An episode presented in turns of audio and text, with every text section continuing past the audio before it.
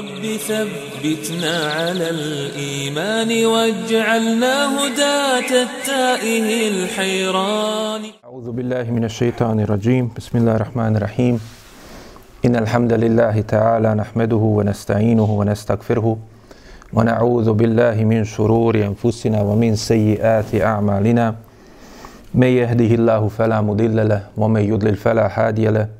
واشهد ان لا اله الا الله وحده لا شريك له واشهد ان محمدا عبده ورسوله ارسله الله تبارك وتعالى بالهدى ودين الحق ليظهره على الدين كله وكفى بالله شهيدا ثم اما بعد Svaka zahvala pripada Allahu subhanahu wa ta'ala.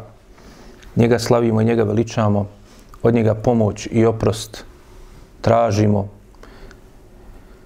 Neka je salavat i selam na njegovog posljednjeg poslanika, njegovog odabranika i miljenika Muhameda sallallahu alihi wasallam, njegovu časnu porodcu, sve njegove plemenite ashabe, kao i one koji slijede njihov put do sudnjega dana.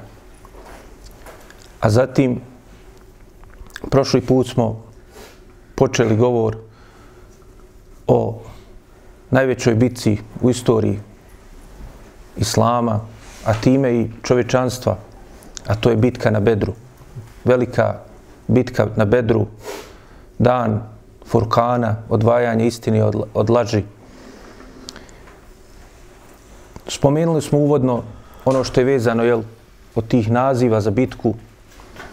Također spomenuli smo, likom sa nam, da poslanik sallallahu alejhi ve sellem nije imao u planu da se desi bitka nego da presretni onu, dakle, karavanu koja je pobjegla kada, su, kada je kretala prema Šamu se iz poravca Mekke pored Medine, pa su umakli poslaniku, salallahu ve veselem, i njegovim ashabima kod mjesta u i sada se ona vraćala i želio je poslanik, sallallahu alihi veselem, nakon što je obaviješten o njenom povratku i saznao od svojih uhoda koje je poslao, spomenuli smo da su to bili dva ashaba iz plemena Džuhejne, dakle Besbese el Džuheni i Adi el Džuheni, da su oni obavijestili poslanika sallallahu alaihi ve sellem o prolasku te karavane i da će uskoro da naiđe pored mjesta Bedr, koji, kako smo rekli, nalazi se jedno 150 km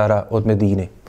I poslanik sallallahu alaihi ve sellem sa onim ashabima koji se zadesili kod njega, spomenuli smo da je bilo otprilike 60 i nešto, kako je došlo u hadisu kod Buharije, 60 i nešto muhađira i 240 i nešto ensarija. I da su oni, dakle, ti koji se zadesili, pošto je bio cilj i povod, dakle, izlaska karavana, nije, nije dao poslanik, sallallahu alaihi ve sellem, iako su neki htjeli da zovu i ostale, dakle, ashabe, nije dao da se pozovu. Pa su izašla ta, dakle, odabrana skupina. Također, spomenuli smo i imena onih ashaba koji su ubrojani u učesnike bitke na Bedru, iako nisu učestvovali u samoj bitki. Spomenuli smo 13 ashaba. Ponovo da napomenemo, dakle, od tih 13 ashaba, kako smo rekli, dakle, devet njih je bilo od onih koji su, dakle, e, bili od tih koji nisu učestvovali u bitci sa opravdanim razlogom, a poslanik sallallahu alejhi ve sellem je ubrojao u učesnike bitke na Bedru. Odnosno 10, 10 ashaba koji su imali opravdanje. 11. i 12. dakle, spomenuti su jel, Enes ibn Malik i također e, Haris ibn Suraka, rekli smo da oni su bili mladići koji su bili na poprištu bitke, ali kao djeca i Enes radijallahu anhu kao sluga poslanika sallallahu alejhi ve sellem nisu učestvovali u bitci, ali je poslanik sallallahu alejhi ve sellem ubroje učesnike i čak šta više Harise, iako je bio dijete i mladić, dakle mali, dakle on je ovaj preselio kao šehid tom prilikom, prilikom bitke na e, Bedru. 13. sad Ibn Ubade koji je spomenut, dakle neki e, su imali sumnje po pitanju njegovog učešća u bitci na Bedru, ali dakle on iako je ima razilaženja oko njega ispravnije da je on dakle direktno učestvovao također u bici. Tako da jel imamo 12 koji su opravdani i koji je poslanik sallallahu alejhi ve sellem ubrojio učesnike bitke na Bedru, tako da jel onaj broj koji smo spominjali, da li 319, da li 313 ili 314, najbliže je da je 314, kada se svi ovi obuhvate, uključujući Allahov poslanika, sallallahu alaihi veselem, od njih 305 ili 306, dakle, učestvovali direktno u bici.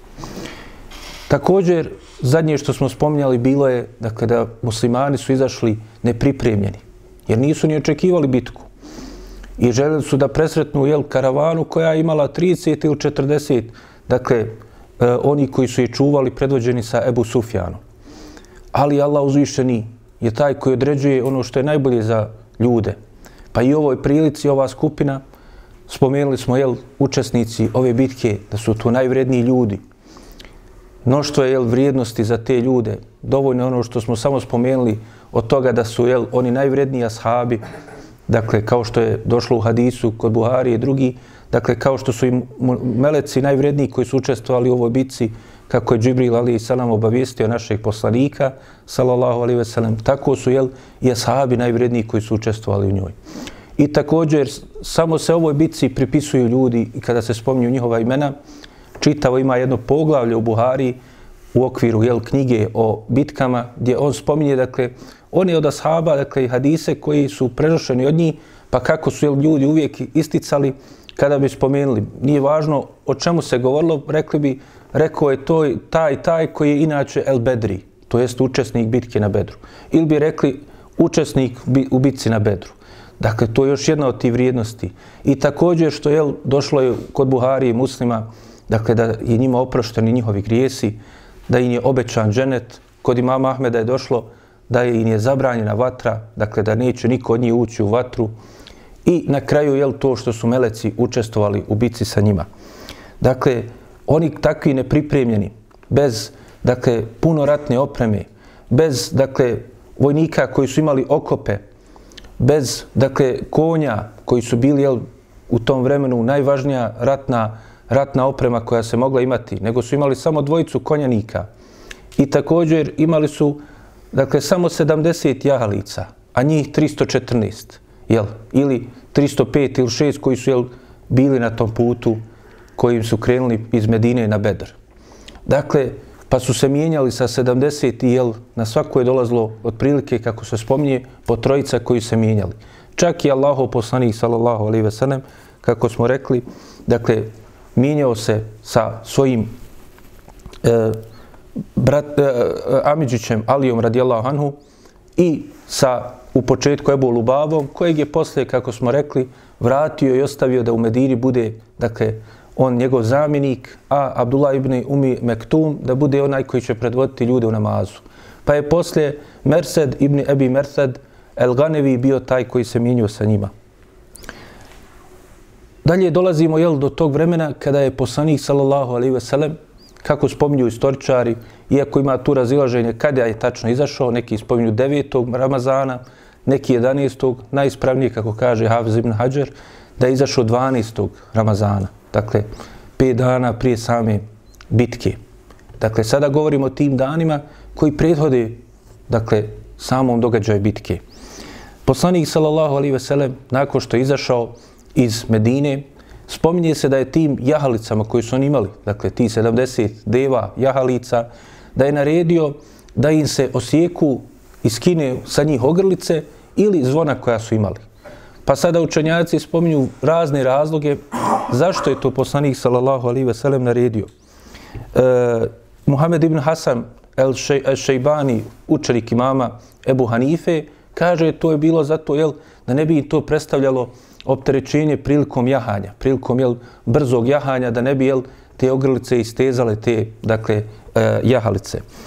E, također, ovaj hadis, jel, ko, inače bilježi Ibn Hiban, ima Ahmed, da je poslanik sallallahu alaihi veselem to naredio i da je to bilo u bitci na Bedru. Kod imama muslima je došao drugi hadis koji govori općenito Dakle, spominje se u njemu da je poslanik sallallahu alejhi ve sellem kada bi krenuo na put rekao ljudima da uklone dakle te ogrlice ili zvona.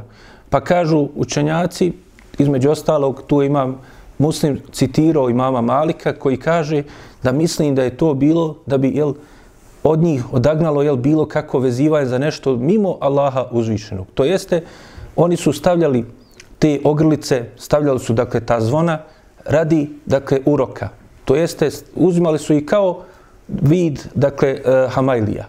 Pa su jel dakle kao hamajliju talismane koristili te ogrlice ili dakle zvona, dakle da bude im to zašta, da neće propasti, dakle da neće se desiti ništa u tim jel, njihovim putevima koji su bili u to vrijeme teški, a po, po, poglavito jel, u, u, u vremenima bitki.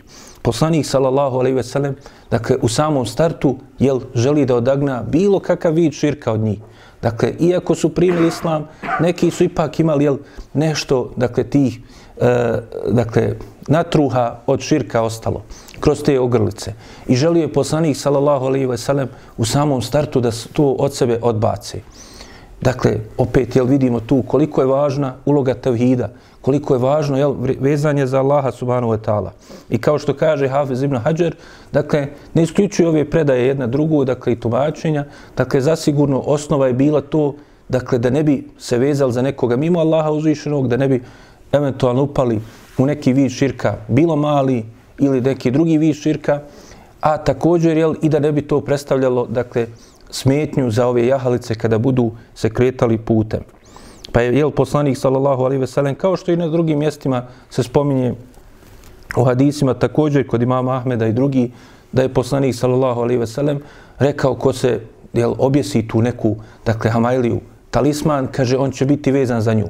U drugom hadisu došlo je kaže učinio je širk zato što to jel nije dozvoljeno jer to poništava dakle vezanje za Allaha uzvišenog i poništava dakle ispovjedanje tevhida bilo u potpunosti ili djelimično. U osnovi, jel, kao što kažu učenjaci, dakle, te hamelije i talismani predstavljaju jel, vid malog širka. Dakle, poslanik, sallallahu alaihi ve sellem jel, u startu odma dakle, na praktičnom jednom primjeru pokazuje da moraju se vezati za Allaha uzvišenog. I to je, jel, kao i čitava ova bitka, kako smo rekli, šalje tu poruku kako je jel, pomoć od Allaha za one koji se iskreno istinski oslone na Allaha uzvišenog. Što se tiče, dakle, rekli smo 70 imali su jel svojih, dakle, jahalica, a dva samo konja.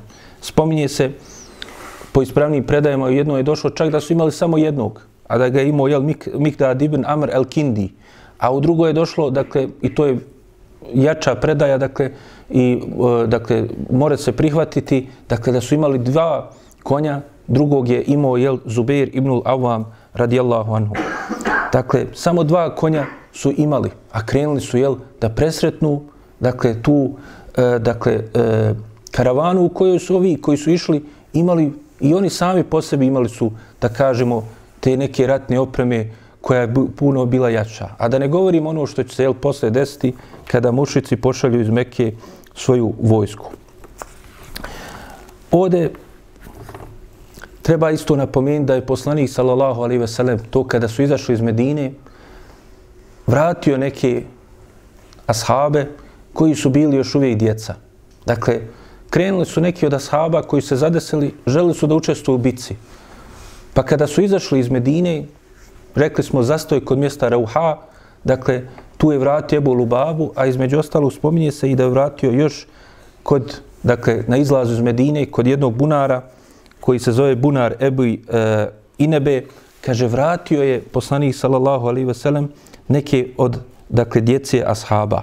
Pa se spominje da je vratio u samu Ibn Zejda. Spominje se da je vratio također u Sejda Ibn Zuhira.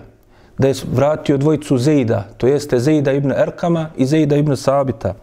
Također Rafio Ibn Hadidža je vratio poslanik sallallahu alaihi ve sellem i drugu dvojicu ashaba koji su Između ostalog, jedan od njih je El Bera ibn eh, Azib, kojeg smo spomnjali da nam prenosi koliko je bio broj učesnika bitke.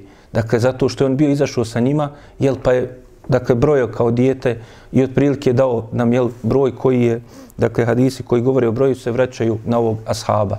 Ali njega, kao što je došlo u jednoj od tih predaja kod Buharije, kaže, kaže mene i Abdullaha ibn Omera je poslanik sallallahu alaihi ve sellem vratio zato što smo bili mali. Dakle, općenito, ove sve ostale ashabe mimo ove dvojice, dakle, Abdullah ibn Omera i Bera ibn Aziba, ostale spominute, spominje Ibn Sad u svojim tabekat, dakle, da su i oni također vraćeni. Jedini koji poslanik, sallallahu alaihi sellem nije vratio, a spominje se da je bio dijete tada, jeste brat od Sada ibn Abi Vakasa, radijallahu anhu, a to je Umeir. Umeir, sin Abi Waqasa, dakle brat Sada, je išao zajedno sa svojim bratom. Pa kaže, kada su se približili, kada je vidio, dakle, Umeir, da poslanik, sallallahu alaihi veselem, razgleda, hoće da vrati neke, onda se on počeo da krije. Pa ga je upitao sad, kaže, kaže, zašto se kriješ? Pa kaže, doista želim, kaže, da idem ja sa vama u ovoj bici i učestvujem, ali se bojim da će imene poslanik, sallallahu alaihi veselem, vrati. Doista želim da ja zaslužim šehadet na Allahovom putu. Pa kaže, vidio ga je poslanik, sallallahu alaihi veselem, i također mu rekao da se vrati. Pa kaže, onda je Umeir zaplakao. Pa kada je to vidio Allaho poslanik, sallallahu alaihi ve sellem, onda mu je dozvolio da i on krene sa njima u bitku. Kako to spominje imam Hakim u svome Mustedreku, dobrim lance prenosilaca. Pa se spominje, kaže dalje, u toj predaji kod imama Hakima, kaže, onda je se, kaže, Umeir borio na Allahom putu, sve dok, kaže, nije preselio kao šehid u bici, dakle, ovoj bici na Bedru a tada se spominje da je imao 16 godina. Neki od učenjaka postavljaju jel, pitanje da li je on imao baš 16 godina jer se spominje dakle, da je bio oni koji su među prvima još primili islam. Ako računamo jel, 13 godina poslanikov života u Mekki i da je ovo druga godina po Hidži, dakle već 15 godina, postavlja, jel, tu se javlja problem da li on baš imao 16 godina. Ali općenito se vrlo malo zna o životu Omeira ibn Abi Vakasa. Osim što se sigurno zna da je bio šehid bitke na Bedru radi Allahu anhu. Poslanik sallallahu alaihi ve sellem je nakon toga, nakon što je vratio ove Ebu Lobabu da ga zamijeni kao njegov namjesnik u, i zamjenik u Medini, ove od djece da se vrate, onda je podijelio dakle, komandu svoje vojske. Pa se spominje, kaže, glavnu zastavu koja je bila bijele boje, dakle glavni barijak muslimanske vojske, dao je Musabu ibn Umeiru radijallahu anhu. Što se tiče ostalih, kaže, podijelio je, kaže, muhađire i ensarije u dvije jedince. Pa kaže, komandu nad muhađirima je povjerio Ali radijallahu anhu, a komandu nad ensarijama je povjerio Sadu ibn Muazu radijallahu anhu. Također, poslanik sallallahu alaihi ve sellem odredio je i dva krila vojske. Na desnom krilu je odredio da bude Zubeir ibn Awam, dakle jedan od tih koji je imao konje sa sobom i koji je bio konjanik u tom, u tom momentu, a na drugom krilu je bio drugi konjanik, a to je el Mikdad ibn Amr el Kindi koji je bio jel, na lijevom krilu. A u poleđeni vojske i njeno jel, e, zaleđeni, dakle, ostupnici vojske na kraju odredio je da je predvodi Kajs ibn Abi Sasa, radijallahu anhu. A komandu čitave vojske je preuzeo poslanik, sallallahu alihi wasallam, lično. Ovdje jel, ćemo vidjeti ova formacija koju koristio poslanik, sallallahu alihi wasallam, u osnovi, kako kažu dakle, učenjaci, bila perzijska dakle, vojna strategija koju su oni koristili. Perzijska vojna formacija. Tada je velika i slavna vojska perzijska, dakle, koristila je svoju formaciju vojske u obliku orla. Dakle, zato ćete naći na onim njihovim znakovima, zato su na kraju nacisti, jel, pozivajući se na njih, koristili oni svoje, na svojim, dakle, onim, e, dakle, amblemima i svojim simbolima, koristili orla. Zašto u obliku orla ili obliku ptice? Zato je što vidimo, dakle, glavnica vojske je poput glave, kaže ptice, koja ima dva krila. I onda ima jel, svoju, dakle, odstupnicu ili zaleđinu koja predstavlja ono zadnje krilo. Pa tako jel, imamo trup vojske koji u sredini, na vrhu predstavlja se jel, komanda ili u, u, u središtu svega toga je komanda, dakle ono koji predvodi tu vojsku, koja ima dva krila i koja ima svoju ostupnicu. Isto ga učenjaci izlače jedno od koristi, dakle da je poslanik sallallahu alaihi ve sellem, kao što ćemo vidjeti u nekim drugim situacijama, poput jel, kada je iskopao na savjet Salman al-Farisija, koji je bio isto perzijanac, iskopao Hendek, iskopao rov, da je poslanik sallallahu alaihi ve sellem se koristio pozitivnim iskustvima onih jel, naroda koji su tada bili zastupljeni. Pa čak u ovakvom važnim stvarima kao što je jel, vojna formacija. Dakle, da muslimanima je dozvoljeno se koristi korisnim stvarima pozitivnim tradicijama od drugih naroda koji nisu u suprotnosti sa propisima naše vjere. U ovoj prilici poslanik sallallahu alejhi ve sellem nakon što je ovako podijelio dakle ovu skromnu vojsku sa samo dvojicom konjanika, sa samo volipacnim brojem jel, ljudi, učesnika u samoj borbi, Allahov poslanik sallallahu alejhi ve sellem spominje se da je pogledao ovu vojsku kako je došlo u hadisu kod Ebu Dauda u njegovom sunenu i kod imama Hakima u njegovom ustedreku, kaže, pogledao je poslanik sallallahu alaihi ve sellem ovu vojsku i onda proučio dovu Allahu uzvišenom. Kaže, Allahu moj, oni su, kaže, bosi, pa kaže, obuci ih i daj im, dakle, šta će obući. Oni su, kaže, goli, jer su imali vrlo skromnu odjeću, nisu imali ratne opreme, nisu imali oklope, kaže, pa ih, kaže, ti obuci. I kaže, i nema, jel, također ni jahalica, dijeli ih, 70 samo, na, na jednu trojica dolaze. Dakle, bosi, a hodaju po tom tvrdom putu, posebno oko Medine, gdje su, jel, dakle, te stjenovite, dakle, prijedjeli stijena, i spomenuli smo, jel, jedna od dvojica od onih koji su, dakle, e, propustili početak bitke i morali se vratiti, bilo je zato što se povrijedili na putu između Medine i Bedra. Zato što su, jel, dakle, povrijedili svoje noge na tom teškom putu. I također treće što je rekao poslanik sallallahu alaihi wasallam, Allahu moj, kaže, oni su, kaže, gladni, pa kaže, ti ih nahrani. U na kraju ovoga hadisa se spominje, kaže, i doista, kaže, niko od njih nije se vratio, a da nije bio i obučen, imao neku, neki imali i dvije i tri deve koje su vratili sa sobom, dakle, jahalice, a i također bili su svi siti, dakle, nakon što su se jel, žrtvovali na Allahom subhanahu ta'ala putu. Poslanik, sallallahu alaihi ve sellem, jel, izašao je u Ramazanu. Sad se postavlja pitanje, da li su oni postili, dakle, u tim danima kada su krenuli, posebno na ovaj teški put, Posebno još u kontekstu ovoga što vidimo da je poslanik sallallahu alejhi ve sellem dovio. Dakle, oni u osnovi nisu imali hrane. A još je jel Ramazan, još je dakle vrijeme posta. Pa se spominje da su dakle tom prilikom ashabi kako se prominje, e, došlo u hadisu kod imama Ahmeda i kod imama Tirmizi u njegovom sunenu od Omera radijallahu anhu da su kaže ashabi izašli u dvije bitke dakle, u mjesecu Ramazanu. Dakle, to je bitka na Bedru i oslobođenje Mekke.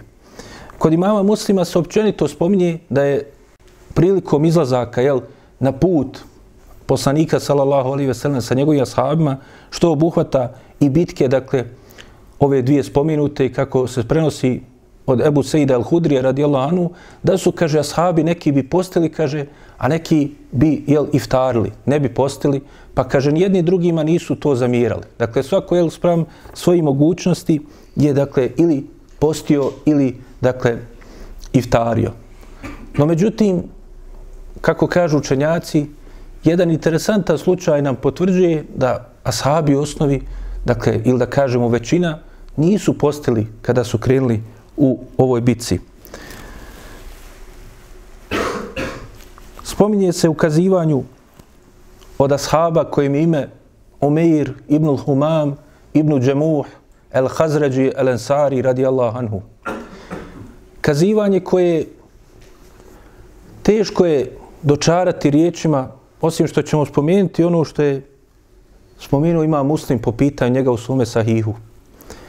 Kaže se da je Allahu poslanik sallallahu alaihi wa sallam bodrio ashabe u bici na bedru i govorio, kaže, ustanite prema dženetu, čije prostranstvo, kaže, poput prostranstva nebesa i zemlje. Umeir ibn Humam je upitao poslanika, sallallahu alaihi wasallam, kaže, dženet, kaže, čije prostranstvo poput nebesa i zemlje. Poslanik sallallahu alaihi ve sellem je rekao da.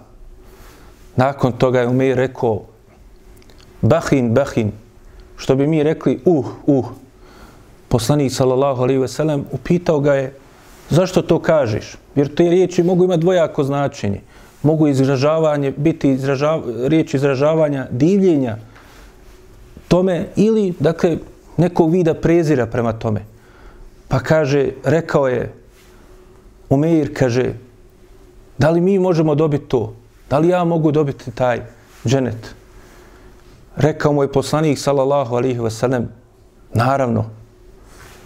Pa kaže, Umeir je izvadio datule koje imao sa sobom.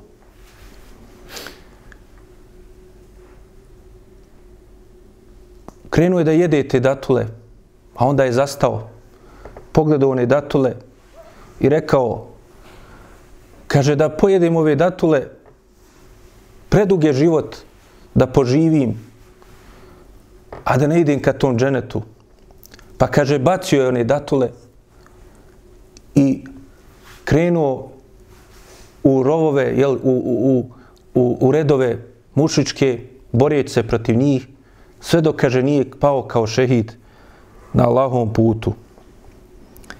Kaže Hafiz ibn Hajar, kaže Umeir ibn Humam ibn Džemuh el El Ensari, bio je prvi šehid koji je pao u borbi na Allahovom putu. Dakle, prvi koji je preselio u bitci na Bedru, a time bio je prvi šehid u borbama na Allahovom putu u životu Allahovog poslanika sallallahu alaihi wasallam. Poslanik sallallahu alaihi wasallam krenuo je iz Medine prema Bedru, ali vodeći računa i strateški gledajući da ne ide jel tek tako prema Bedru, nego je dakle, koristio se lukavstvom, koristio se sporednim putevima da bi došao do Bedra. Pa se spominje u opisu kako je poslanik sallallahu alaihi ve sellem došao do Bedra, kaže krenuo je iz Medine prema putem prema Mekki. Dok nije došao do Mikata, odakle se jel, nije ti hađ ili umra, koji je jel, za stanovnike Medine, a to je Zul Huleifa, i onda je, kaže, kod bunara Rauha koji smo spomenuli, dakle tu je odmorio, i onda su, kaže, krenuli prema drugoj strani. Kaže, skrenuli su prema desno, tako da je lijevo od njih ostao put prema Mekki. Pa su nastavili tim putem sve dok nisu došli do mjesta Nazije. Kod tog mjesta su jel skrenuli onda prema Bedru. Odatle su nastavili dalje dok nisu došli do jedne doline, kaže, koji su prošli, pa kada su prošli tu dolinu koje je ime Rohkan, onda su nastavili, kaže, prema mjestu koje se zove Safra. Prošli su, kaže, kroz jedan tjesnac, prije tog, dakle, požureći kroz, prije tog mjesta Safra i onda su tu se ulogorili u blizini, dakle, tog mjesta Safra u blizini, dakle, Bedra. Tu je poslanik, sallallahu alaihi wa sallam, dvojicu spomenuti ashaba iz plemena Džuhejne ponovo poslao, dakle, u izviđanje i špioniranje da vide da li je, dakle, došla već ta karavana koju su oni očekivali da će naići pored Bedra u tom momentu i u tim, dakle, u tom vremenu kada su oni stigli. Pa kaže se da su Bespesa ibn Amr el-Džuheni i Adi, e, ebni, e, Adi ibn Ebi e, Zagba iz plemena Džuhejne, dakle, otišli su u izviđanje po drugi put, da vide jel, šta, kakva je situacija sa tom karavanom. A poslanik, sallallahu alihi wasallam, u tom, dakle, putu sreo jednog čovjeka, kaže, kako je došlo u hadisu kod imama muslima o njegovom sahihu, koji je bio, dakle, još uvijek, dakle, na širku, nije bio musliman, ali je želio da ih pomogne u borbi. Dakle, bio je poznat, dakle, kao hrabar, kao smjeo borac i želio je također, jel, da svoje usluge, a bio je sposoban, dakle, i vrlo vičan borbi, dakle, da pomogne muslimane u toj borbi. Allah zna iz koji interesa on u tom momentu to želi. Ali, dakle, čovjek koji je bio, dakle, vičan borbi, koji je želio da učestvuje i on u toj, e, dakle, u tom pohodu kojim je krenuo poslanik, sallallahu alaihi ve sellem. Pa kaže se poslanik, sallallahu alaihi ve sellem, kako je dalje bilježi imam muslim u svojem sahiju, upitao ga je, kaže, da li ti vjeruješ u Allaha i njegovog poslanika? Pa je ovaj čovjek rekao da ne vjeruje. Pa mu je poslanik, sallallahu alaihi ve sellem, rekao da se vrati, jer on neće da se pomogne sa čovjekom koji je mušrik. Pa je, kaže, ovaj čovjek nastavio da ide za njima, dok nisu došli ponovo do jednog, dakle, e, mjesta gdje su malo zastali, pa je, kaže, opet prišao poslaniku, salallahu alihi veselem, i pitao ga ponovo, jel da on također učestvuje. Pa je poslanik, salallahu alihi veselem, mu isto ponovio, pitao ga da li vjeruje Allah i njegov poslanika, pa je ovaj rekao da ne vjeruje, pa je poslanik, salallahu alihi veselem, rekao mu onda, ta, opet isto, da neće da se pomogne sa mušikom.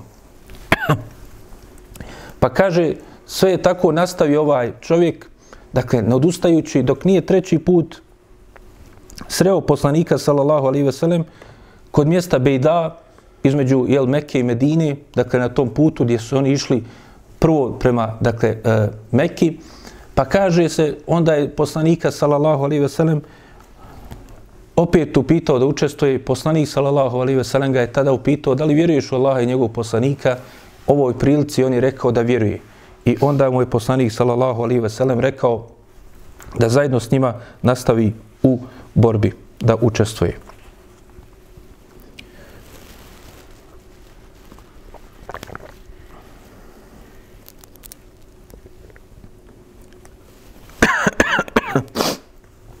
Dalje se kaže, dakle, po pitanju ovoga, dakle, vidimo da poslanik, sallallahu alaihi ve sellem, u ovoj prilici, konkretno, jel, odbio je pomoć od mušika.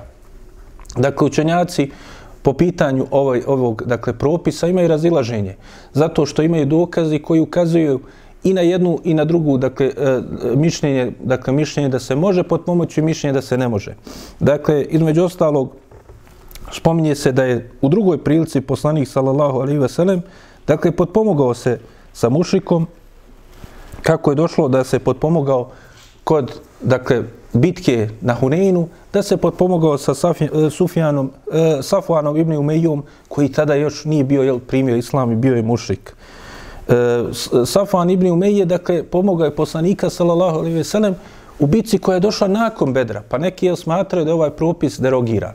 No međutim, jel, ima jako razilaženje, jaki dokazi koji upućuju, dakle, i na jedan i na drugi stav. Između ostalog, treba naglasiti samo dakle, oni koji su dozvolili to, dakle, spominju, dakle, pod odoređenim strogim uvjetima da je to dozvoljeno.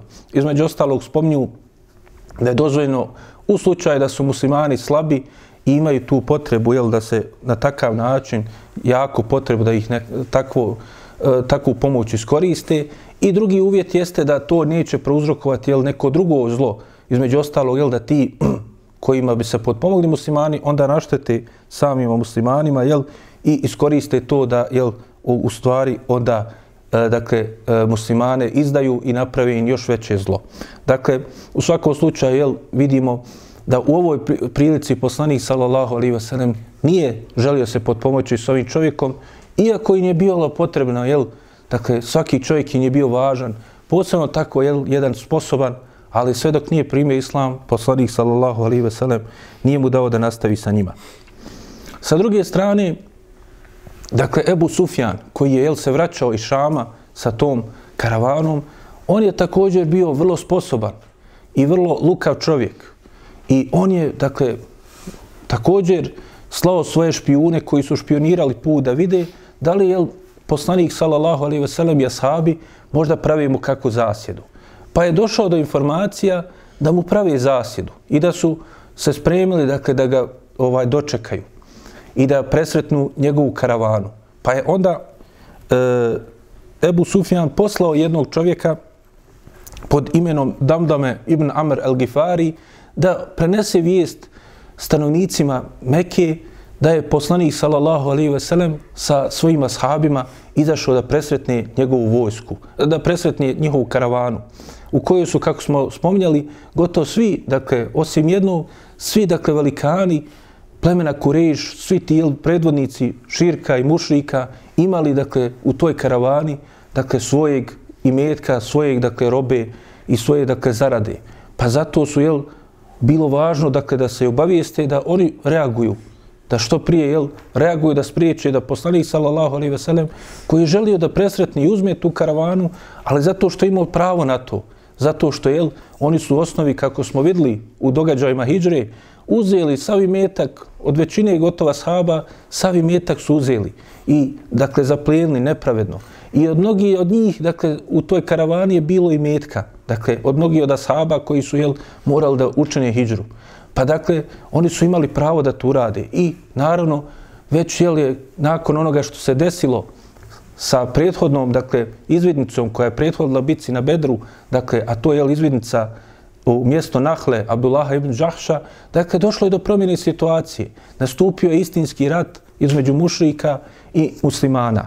Pa dakle, ovaj Damdame ibn Amr el-Gifari, kada je došao u Meku, da bi jel ukazao na važnost te vijesti, koliko je teška situacija, on je u tom njihovom dakle, praksi koju su oni imali i običaju i adetu, dakle, poderao je svoju odjeću, kaže, osjekao je njušku u svojoj dakle, jahalici i onda je počeo da viče i da priziva dakle, stanovnike Mekke, govoreći im, dakle, vrištući na glas, karavana, karavana.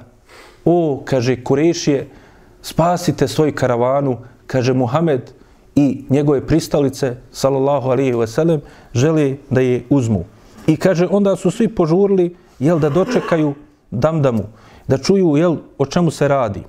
Između ostalog, također se spominje kako je došlo e, u knjigama, dakle, život, životopisa Allahov poslanika, sallallahu alaihi ve sellem, kod Ibn Hišama i drugi, da je Atika, koja je bila tetka Allahov poslanika, čerka Abdul Mutaliba, dakle, da je ona usnila tri dana prije nego što će doći ovaj damdame, usnila san kojeg je ispričala svome bratu Abbasu, Amidžu Allahov poslanika, sallallahu alaihi ve sellem, iz kojeg su oni razumili da će se desiti nešto strašno, dakle, kurešijama. I da se oni trebaju da plaše i da će oni svi da izađu i kada se desilo jel da je došlo damdame onda su oni se uvjerili da se to radi ovom jel dakle što su oni što je ona usnila da se san odnosi na tu stvar no međutim Kurejšije su jel kada su vidjeli da je Muhammed sallallahu alejhi ve sellem izašao i tu njihovu bogatu karavanu koja je jel kako smo rekli vrijedila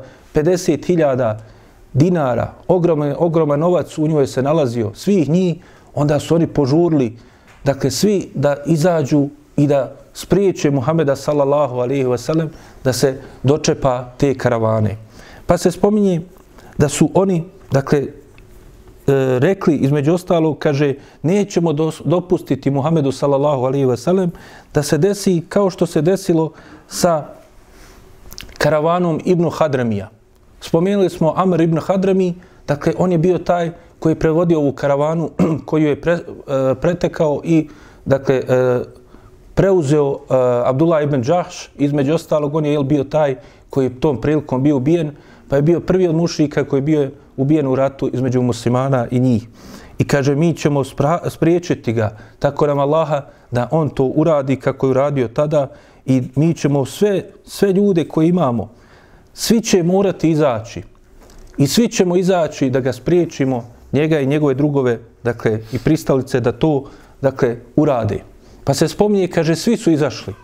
Jedini od velikana plemena Kurejiš koji nije izašao, bio je Ebu Leheb, dakle, Amidža Allahov poslanika, koji je bio jedan od najstrožijih i najvećih neprijatelja Allahovom poslaniku, sallallahu alaihi wasallam, i njegovom pozivanju islam. On je, dakle, već bio rono i nije imao sposobnosti ili, da kažemo, nije bio voljan da ide one svoje ideale, da brani, dakle, svojim životem, pa se on ipak, da ne bi bilo, dakle, da nije i on učestvo u tome, poslao je čovjeka koji mu je bio dužnik, koji je bio, jel, dužan ogroman novac, poslao je njega da ga zamijeni i da umjesto njega učestvuje u borbi. Taj čovjek ime mu je El Asi ibn uh, Hišam ibn Mogire. Dakle, njega je poslao kao svoga zamjenika. A svi ostali, dakle, predvodnici plemena Kurejiš, dakle, izašli su da spase tu karavanu i da se suprostave Allahovom poslaniku sallallahu alihi wasallam. Između ostalog se spominje da je Ebu Džehl natjerao čak i porodcu Benu Hašim, dakle porodcu Allahov poslanika sallallahu ve sellem, sve je natjerao da i oni izađu. Pa se spominje da je Abbas ibn Abdul Mutalib, dakle on je mimo svoje volje odlučio da izađe, morao da izađe. Također i Neufel ibn Haris, dakle i također i sinovi Ebu Taliba, Talib i Akil, sinovi Ebu Taliba, dakle braća od Alije i Džafera ibn Ebi Taliba. Jedini, tak, mimo Ebu Leheba, koji je također u prvom momentu želio da odustane od odlaska bio je i izlaska bio je Umeje ibn Halef.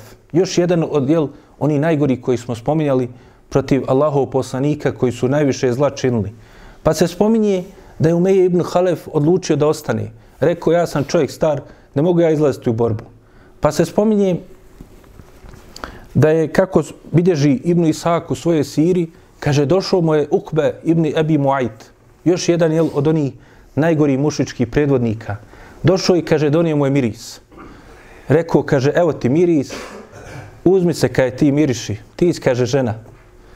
Neš da izađeš, evo miriš, pa, pa se miriši s njim. I onda je to jel, probudilo u njemu, dakle, njegovu muškost. I onda je, dakle, odlučio u Meja ibn, dakle, Halef također da izađe. Kod imama Buharije se može razumjeti da je to uradio Ebu Džehl, lično. Dakle, jer on je u svojim ovim događajima, kako ćemo vidjeti, bio najžešći. Dakle, da se desi bitka, da izađu mušici, da ne odustanu do zadnjeg momenta, dokle sam sebe, jel, prije svega nije doveo do propasti. Pa, spomnju učenjaci zašto je Umeje ibn Halef, iako bi jedan od najžešći u ovom momentu ustuknuo, zašto nije htio da izađe? Kaže se da je, kako je, se može razumiti iz predaje koje došlo kod imama e, Buhari u njegovu sahihu, dakle da je e, Umeje ibn Halef imao dakle, dobre odnose sa Saadom ibn Muazom, prije još Islama. I kada bi ovaj dolazio u Meku, odsjedao bi kod njega, kada bi on dolazio u Medinu, odsjedao bi kod Sada. Pa kaže, jedne prilike, došao je Sad, nakon što je primio Islam, dakle, može se razumjeti, dakle, nakon što je desila se hijđra, dakle, da je Sad ibn Muaz otišao dakle, da obavi umru. Zato što je imao zaštitu u Meje i nikoga nije smio dirati. Pa kaže, sreo ga Ebu Džehl i rekao mu, kaže, da nemaš ti zaštite od njega, kaže, vidio bi ti šta bi ti ja uradio. Pa kaže, nakon toga je Sad ibn Muaz, koji je bio veliki junak, se naljutio i rekao Ebu Džehlu, kaže, da nije i mene spriječilo ono što je tebe spriječilo, podižući glas i galamijeći na njega, da nije i mene spriječilo ono što je tebe spriječilo, vidio bi ti šta bi ja tebi uradio. Pa je onda Umeje ibn Halef, dakle, osjetio potrebu da reaguje, jer ipak, jel, napada, dakle, Sad koji je muslima, napada njegovog, dakle, Jarana, dakle, još jednog od predvodnika, dakle, plemena Kuriš, Ebu Džehla, i onda je, dakle, ukorio Sada i rekao mu, kaže, nemoj tako govoriti Ebu Hakemu. Spominjali smo, jel, Ebu Džehl je naziv koji mu je dao poslanik, sallallahu alaihi ve sellem. A on je volio sam sebi da tepa i govori da je on Ebu Hakem. I tako je bio poznat u, u Medinu. Kaže, on je jedan od prvaka u ovoj dolini. Pa kaže, tada se sad i na njega naljutio, rekao me, pu, rekao, dakle, Umeji ibn Halefu, kaže, pusti me, ostavi me na miru. Kaže, doista sam čuo Allahov poslanika, sallallahu alaihi ve sellem, da ćeš ti biti ubijen. Kada je to, kaže, čuo Umeje ibn Halef prepao se. I kada je vidio jel, da se dešava ova bitka, kako kažu učenjaci, kako kaže Hafiz ibn Hajar između ostalog, on se prisjetio toga i pobojio se, sad će doći do direktne borbe, pobojio se, jel, ovi riječi poslanika, sallallahu alaihi ve sellem. Iako je bio mušrik, borio se protiv njega, ali nije bio, dakle, e, ravnodušan na ono što je govorio poslanik, sallallahu alaihi ve sellem. Zato što su oni znali da je on na istini, da on govori istinu. I zbog toga, jel, u prvom momentu nije htio da izađe, ali na kraju je izašao, jel, pritisnut ovim postupkom koji je uradio mu Ukve ibn Ebi Muajt, dakle da bi ne bi bio kukavica, onda je morao da izađe i na kraju je doista i bio od ubijeni ubici na bedru, kao što ćemo vidjeti da svi oni proti koji je poslanik sallallahu alaihi ve sellem, između ostalih od njih je li Ebu Džehl i Umeje ibn Halef i također Ukba ibn Abi Muajt, Dakle, sve oni koji, protiv koji je poslanik sallallahu alaihi ve sellem dovio još davno kada su ga ono mučili u Meki, svi su oni ubijeni u bici na Bedru. Što se tiče obskrbe i opreme koji su imali mušici, videli smo jel, šta su imali muslimani. Pogledajmo sada šta su imali mušici. Spominje se u prvom momentu da je izašlo 1319. Dakle, svi predvodnici plemena Kuriš, svi najbolji njihovi borci, sve su ih natjerali, čak i oni koji nisu htjeli, jel, kako vidimo, natjerali su da izađu. Iz predaja se mora razumiti na kraju da će na poprištu bitke biti i hiljadu. Spomenut ćemo zašto je jel, se vratilo ovih 300 ili 313 kako je došlo u ovoj predaji. Dakle, e, spominje ovu predaju inače da je bilo 1319 u prvom momentu ima muslim u svome sahihu. Kaže se od toga ih je bilo stotinu koji su imali dakle svoje konje, dakle stotinu konjanika. naspram dva konjanika koji su muslimani imali. E, dakle, to je došlo u predaji kod Ibnu Isaka u Siriji, u njegovoj Siriji, a kod imama Bejhekija u Delajl Nubuve došlo je da je bilo 200 konjanika. Dakle, i to je bliže da je bilo tako. Također, kaže, imali su 600 vojnika koji su imali oklope. Dakle, koji su bili sa, u punoj ratoj opremi, sa oklopima. Za razliku od ashaba koji, kako treba, nisu imali ni odjeće. Dakle, oni su izašli spremni, naoružani, opremili su se, što se tiče, kaže, jahalica koje su imali, deva koje su poveli sa sobom, ne zna i se broj. Zna se uglavnom da je bilo ogromno, posebno što su jel, svi asabi se vratili, makar s jednom, a neki sa dvije i tri deve, dakle i što je poslanik sallallahu alaihi veselem na, na kraju podijelio ogroban ratni plijen. Dalje se spominje da su oni, dakle mušici, dakle pobojali se šta će biti sa plemenom Beni Bekr, pored kojeg trebaju da prođu, koje je bilo jel, od velikog plemena Kinane, jer su oni imali dakle neke nerazrešene dakle odnose sa njima i bojali se da će i ovi iskoristiti to da napadnu ih. Pa je došao lično Iblis, kako se može razumjeti iz predaja, iako imaju slabosti, ali kažu učenjaci kada se sve saberu, dakle potvrđuje se da je bio dakle jedan od učesnika u ovim događajima lično Iblis koji je došao u liku Surake ibn Malika, koji smo spominjali u dešavanjima Hidžre, ali koji još uvijek nije bio primio islam i u njegovom liku je, dakle, liku čovjeka došao lično Iblis, dakle, da postakne mušike da ne odustanu. I onda je on, pošto je Suraka ibn Malik bio uglednik, on je, dakle, Iblis u njegovom liku je dao njima obećanje da ovo pleme Beni Bekr neće i ništa učiniti nažao i da će, dakle, oni dakle uspjeti u svojoj dakle toj namjeri da prođu pored njih i da se suprostave muslimanima i da se suprostavi Allahovom poslaniku sallallahu alejhi ve sellem. Dakle, po pitanju toga dakle u tumačenju određeni ajeta koji govori o učešću Iblisa, dakle imam Taberi, Ibn Kethir i drugi spominju dakle predaje koji, iz koji se zaključuje dakle da je vjerodostojno to da je on ovako postupio i da je nagovorio. Također se spominje dakle da je 12 ljudi predvodnika, dakle, plemena Koreš, bilo ti koji su lično svojim imetkom, dakle, hranili tu vojsku mušičku koja je izašla. I to ne tek tako, nego, kaže, svaki dan jedan od njih bi, kaže, klao ili devet ili deset deva. Dakle, ogrom, ogroman imetak su utrošili na tom putu. Pa se spominje da su to bili Abbas ibn Abdumutalib, Utbe ibn Rabija, Haris ibn Naufel, e, Tuajme ibn Adi, Ebul Bahteri ibn Hišam, Hakim ibn Hizam, e, Nadru ibn Haris, Ebu Džehl, lično Umeje ibn Halef i da su oni svaki dan se mijenjali, dakle, i također spominje se da su to bili e, e, sinovi od Ibn Hadžađa ibn Amira i Suhejl ibn Amr. Dakle, ti 12 ljudi da su oni učestvovali jel, u hranjenju te vojske. Dakle, imali su i opremu, imali su i ogromnu zalihu hrane, Čak šta više, kaže, poveli su sa sobom robkinje koji su izabljavljali na putu. Poveli su, ponijeli su sa sobom ogromne zalihe vina kojeg su pili na tom putu. Dakle, spremni, jel, dakle, da dočekaju, kako su oni mislili, veliku pobjedu i da se proslave među Arapima sa tim svojim izlaskom.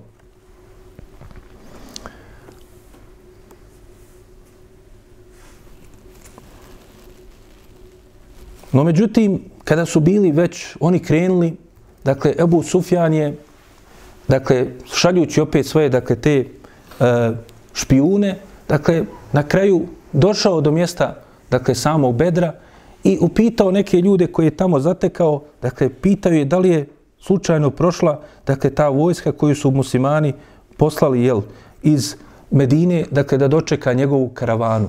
Pa kaže, sreo je čovjeka pod imenom Međdi ibn Amr el-đuhani. Dakle, videli smo i ona dvojica sahaba, dakle, iz plemena Džuhejne. Dakle, opet isto pleme, ali koji nije bio na islamu. I upitao ga i kaže, rekao je, nisam vidio nikoga osim dvojice mladića, koljanika koji su ovdje nešto razgledali, zastali i otišli. I onda je Ebu Sufjan, koji je, kako smo rekli, bio vrlo lukav, onda im je rekao ovo Međdiju, kaže, pokaži mi gdje su bili, svezali svoje te, dakle, jahalice. Pa je oni odveo do tog mjesta. Onda je on pogledao, uzo, kaže, balegu od tih deva, uzeo i, dakle, pogledao da vidi šta se nalazi, dakle, u toj balegi. I onda je prepoznao ostatke datula iz, dakle, i, i trave koja je samo rasla, dakle, u medinskom prijedjelu.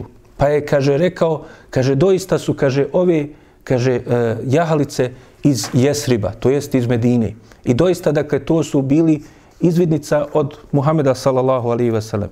Kada je to skontao i, dakle, spoznao Ebu Sufjan, onda je, kaže, krenuo zaopadno od Bedra prema moru i, kaže, tamo je se sklonio, dakle, sa svojom karavanom i tako da je uspio da izmakne, dakle, poslaniku sallallahu alaihi ve sellem i ashabima. No, međutim, na putu je već, jel, bili su ovi mušici iz Mekke i tu je presreo, dakle, dakle kod mjesta Džohfe, presreli su se, dakle, karavana i ovi mušici, pa su, kaže, htjeli, dakle, po savjetu Ebu Sufjana, da se neki vrati. No, međutim, Ebu Džehl se žestoko tome suprostavio i kada Ebu Sufjan rekao da su uspjeli, da nema potrebe, dakle, da idu dalje, da idu na mjesto Bedr, no, međutim, Ebu Džehl je insistirao i na kraju od ovih 1319 koji su izašli, 1000 će i nastaviti. Porodca Benu Zuhre, koji su jel, u osnovi bili i dajđe Allahov poslanika, zato što je njegova majka Amina iz, tog, iz te porodce, njih 300 su odlučili da se vrate. Dakle, nisu želi da učestvuju u bici. Ovi ostali hiljadu je krenulo po nagovoru jel, Ebu Džehla. To dolazi normalno, ta vijest dolazi do poslanika sallallahu alihi wasallam. I poslanik sallallahu alihi wasallam je onda upitao, dakle, ashabe, šta oni misle o tome? Pa su, kaže, ashabi, dakle, poslanik sallallahu alaihi ve sellem, iako je Allah poslanik, savjetuje se sa njima, ne želi sam da donese odluku. Pa kaže, govorio je Ebu Bekr radi Allahanu i posticao na borbu i da nastave i kaže, svidio se govor Allahom poslaniku, pa je onda pitao ljude, savjetujte me, šta imate još reći? Pa je rekao i Omer svoje, pa je i dalje poslanik sallallahu alaihi ve sellem nastavio da traži da ga savjetuju u hadisu kod imama Buhari u njegovom sahihu spominje se onda da je ustao spomenuti e, Mikdad ibn Amr el Kindi i da je, kaže, onda on održao prelijep govor. Abdullah ibn Mas'ud radijallahu anhu koji prenosi taj govor kaže, kaže, nema, nema drugog događaja, nema ništa drugo da mi ne bi, da, da ne bi to mijenjao da sam ja bio na tom mjestu i da sam ja imao priliku da kažem ono što je tada jel rekao Miktat od prelijepog govora koji on rekao i dokaza njegove islama i imana. Jer šta je rekao Miktad ibn Amr ovom prilikom? Usto je Miktad i rekao Allahom poslaniku sallallahu alaihi ve sellem, a naravno i ostalim ashabima, pred svima njima. Kaže, Allaho poslaniće, mi, kaže, nećemo biti kao što su bili Benu Israil sa Musaom kad su mu rekli, idheb ente vo rabuke fekatila inna nahnu huna leqaidun. Kaže, nećemo reći kao što je rekao Benu Israil, kada im je bilo rečeno samo uđite u grad i bit će vaš. Pa su oni rekli, idi ti i tvoj gospodar se borite. Mi se nećemo boriti. Mi ćemo ovdje čekati i sjediti. Kaže, mi nećemo reći tako. Nego kažemo, idi ti i tvoj gospodar, borite se, a mi smo s tobom mi idemo sa tobom.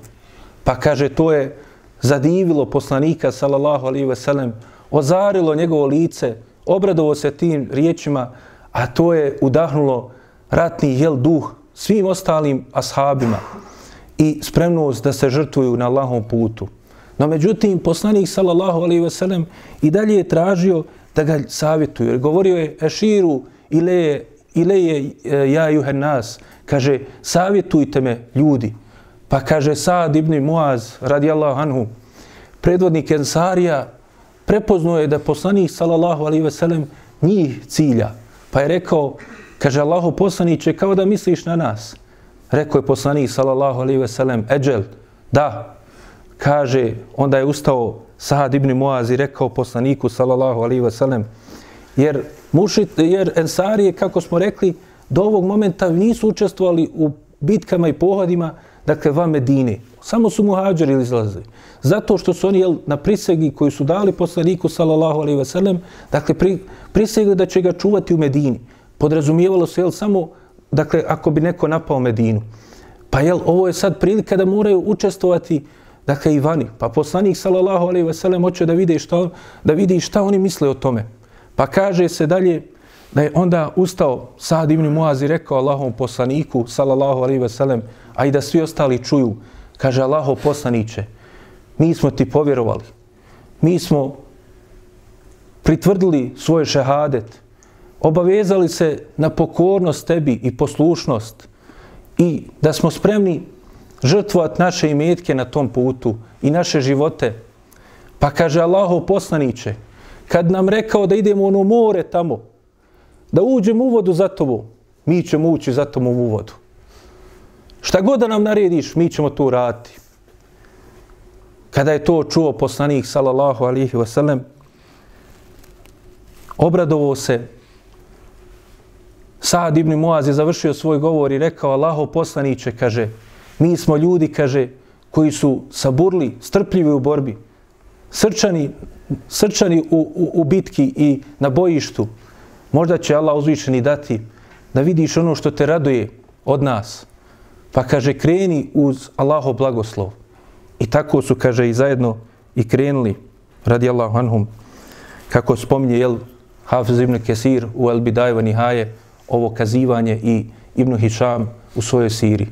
Ovdje ćemo inšala zastati, molijeći Allaha uzvišenog, da nas učini od iskrenih sljedbenika Allahov poslanika, sallallahu alaihi wasallam, da nam poveća ljubav prema njemu i njegovim ashabima, da nas učini od onih koji se ugledaju na njega i njegov put i njegovih ashaba, da nam se smiluje i oprosti grijehe, da pomogne muslimane na svakom mjestu, da olakša onima koji su iskušani od njih, molijeći ga subhanahu wa ta'ala i da vrati sve muslimane njihovoj vjeri na najljepši način.